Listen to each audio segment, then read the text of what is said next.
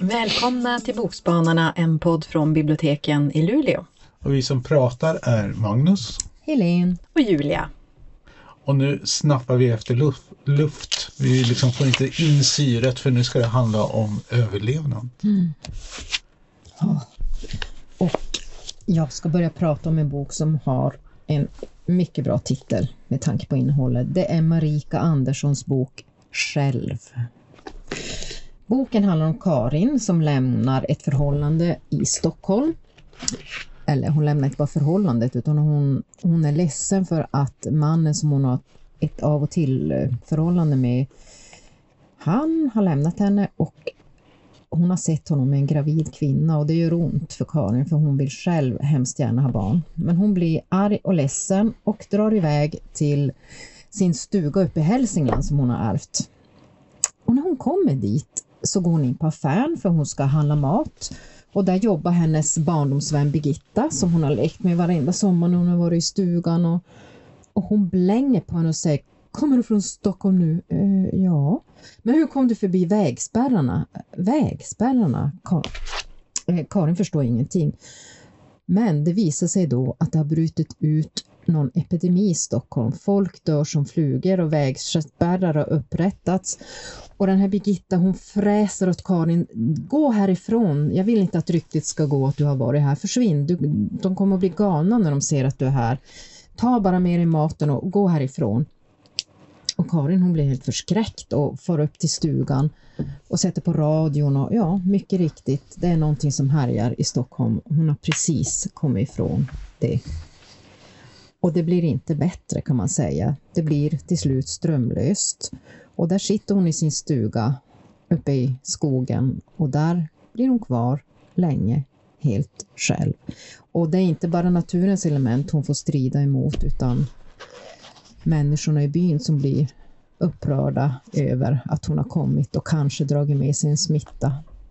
Den var lite klaustrofobisk faktiskt den här och otroligt eh, spännande och väldigt sparsmakat skriven med korta kapitel och ja, nej den här var riktigt så här man, och jag tror att det beror lite grann också på att vi har haft en, eh, en pandemi här och gått igenom, men inte alls lika hemskt som den här pandemin och hur man får också veta eller känna av hur, hur människor reagerar olika i sådana här hur man kan liksom anklaga en person som inte ens har blivit sjuk men nej, hon kommer ju från Stockholm och man vet ju inte vad hon har med sig. Stockholmare kan ha extremt mycket saker med sig. Marika Andersson själv. Det lät verkligen klaustrofobiskt. Mm. Men då tänkte jag att då går vi vidare. Eh, då tar vi oss söderut. Eh, och vi befinner oss i Italien, i Florens. Så det jag ska prata om är Djävulsgreppet av Lina Wolf. Då har vi en svensk kvinna och en italiensk man som har en relation. Och kvinnan är berättaren i den här boken. Vi får inte veta deras namn för de brukar kalla varandra för Mickey och Minnie. Alltså. Mickey Mouse. Ja. Mm. um, och hon har då sagt upp sig från sitt jobb i Sverige och flyttat ihop med honom här i Florens. Och den här relationen eh, är destruktiv, den är våldsam. Och hon försöker på något sätt intellektualisera problemen och ta på sig skuld. För lidandet är livet och varför ska hon ha det något bättre än någon annan? Och det här, I den här boken är det mycket prat om, om kött, lidelse och död. Och hon eftersöker perfektion, hon vill vara perfekt. Alltså perfekt för honom och hon kallar honom den renlige. Och alla gränser liksom stampas på och utmanas. Alltså, det, vi är ju på en resa mot total destruktion i den här boken. Och de är båda otrogna och håller varandra i hårt grepp. Och de verkar inte kunna släppa varandra. Det här är ju en frustrerande bok. För jag gillar verkligen ingen av de här karaktärerna eller handlingarna eller ursäkter eller undanflykterna. Men den är så bra skriven så jag kunde inte sluta läsa även om jag tycker den, alltså, de är väldigt så här, frustrerande. Och Nina Hemmingsson tipsade om den här boken när hon var gäst. i podden. Och hon berättade att hon hade blivit förbannad på slutet. Och jag kan förstå det. Ehm, och jag, Du ska inte berätta varför. nej, nej, det ska jag inte berätta. Och jag känner att jag vill nog läsa mer av Lina Wolf, men jag behöver, alltså hon behöver sitta i karantän ett tag. För din Jag- jag tror jag måste- överlevnads skull. Ja, för min egen överlevnads skull så måste jag nog vänta eh, några månader innan, innan jag läser nästa bok. Ehm, ja. Så att en, en eh, bra men frustrerande bok. Eh, Det här med överlevnad det kan ju tolkas på flera sätt. Eh, Författare måste ju leva också. Ja, eller hur? Och ibland så händer det ju att författare faktiskt gör saker som de inte vill bara därför att de ska ja, få pengar. Och det var ju det jag tänkte när jag fick reda på att Karin Smirnoff ska, har skrivit den senaste Millennium-delen. Då tänkte jag, men stackars människa. Gör du det här därför att du inte överlever? Och, och sen tänkte jag, nej, och så lånade jag ju boken ändå, därför jag kunde inte låta bli. Fråga mig inte varför.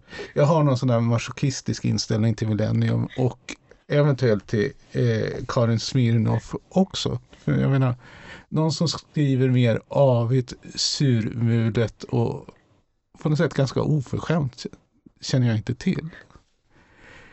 Så när jag var med så tänkte jag nej, och så tänkte jag nej, och så kom det kanske, och sen så tänkte jag inte mer, för då var jag ju inne i boken. Ja. Och den är ju rejält spännande. Och eh, hon klarar det här. Hon har liksom på något sätt tagit Millennium och så vrider hon det så att det hamnar i Smirnoffland. Eh, Kalle Blomqvist, han eh, far då till något som jag uppfattar som Jokkmokk, men i boken så heter det Gassak. Det ska, eh, man kan ta sig till samhället med rälsbuss från Boden och den ligger liksom någonstans i närheten av eh, Storforsen. Eh, samtidigt som det finns faktiskt en eh, Café Gassak i Jokkmokk så jag tror nog vad jag vill. Eh, han far dit därför att hans dotter, som jag faktiskt inte vet i vilken Millennium-bok hon dök, dök upp. Nej, jag har inga Millennium-experter här Nej. ska gifta sig. Och i liksom den här småstadsmiljön så dyker även Lisbeth Salander upp därför hon har en brorsdotter vars vårdnadshavare har dött. Om de har blivit mördade eller inte, det är väl lite sådär osäkert. Och Lisbeth Salander liksom måste ta hand om henne därför att hon inte ska hamna på barnhem. Eh, och då kan vi ju tänka det, Lisbeth Salander och en 13-åring. Hur går det? Det går alldeles utmärkt. Alltså det är bokens höjdpunkt. En mer vitsk och eh, levnadstrött 13-åring som dessutom kräver att Lisbeth Salander inte eh, ska svära får man leta efter. Och Lisbeth Salander försöker mata henne med pizza med extra av allt. Och sen så åker de ju till Romaniemi, till Tomteland. Där Lisbeth Salander har en minst sagt oinspirerad kärleksstund eh, i en av de här glasiglorna det är så extremt rolig. Och här tappar jag helt koncentrationen på deckarintrigen. Men när hon ligger där med en japansk grek över sig och tittar upp på eh, norrskenet och tänker herregud. Den scenen vill man ju se när de spelar in filmen. Så det kanske inte är riktigt passande i sammanhanget. Men Smirnoff har faktiskt lyckats läsa, skriva något bland det roligaste jag läst på länge. Och just därför att hon på något sätt kan karaktärerna. Och hon har insett att Lisbeth Salander vid det här laget faktiskt har- har blivit lite gammal. Eh, Blomqvist har blivit ännu äldre.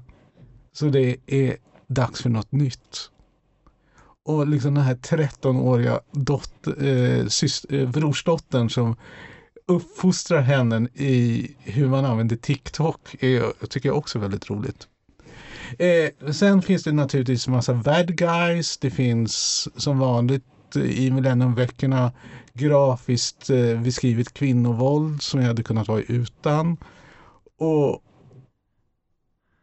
men jag kan inte vara utan den här boken. Ja, det lät ju det- underhållande Det tycker lät jag. underhållande. Tog hon ihjäl huvudpersonerna då för att avsluta serien? Nej, hon tog inte ihjäl huvudpersonerna. Men jag hoppas ju faktiskt att hon ska skriva en till och att det ska vara ännu mera systerdotter och ännu mera Norrbotten, ännu gråare. Du vet en sån där dag när det är riktigt moddigt ute och man känner hur något eh, siffrar upp genom eh, skorna, Ja. Då är Karin Smirnoff som bäst. Ja, jag som är, jag har inte läst någonting annat än original Millennium. För jag kände att, jag men det där blir jag nästan sugen på att läsa. Faktiskt, faktiskt.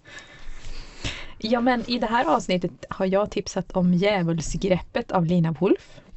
Och jag om Själv av Marika Andersson. Och jag om Havsörnens skrik av Karin Smirnoff. Hej då! Hej då! Hej då!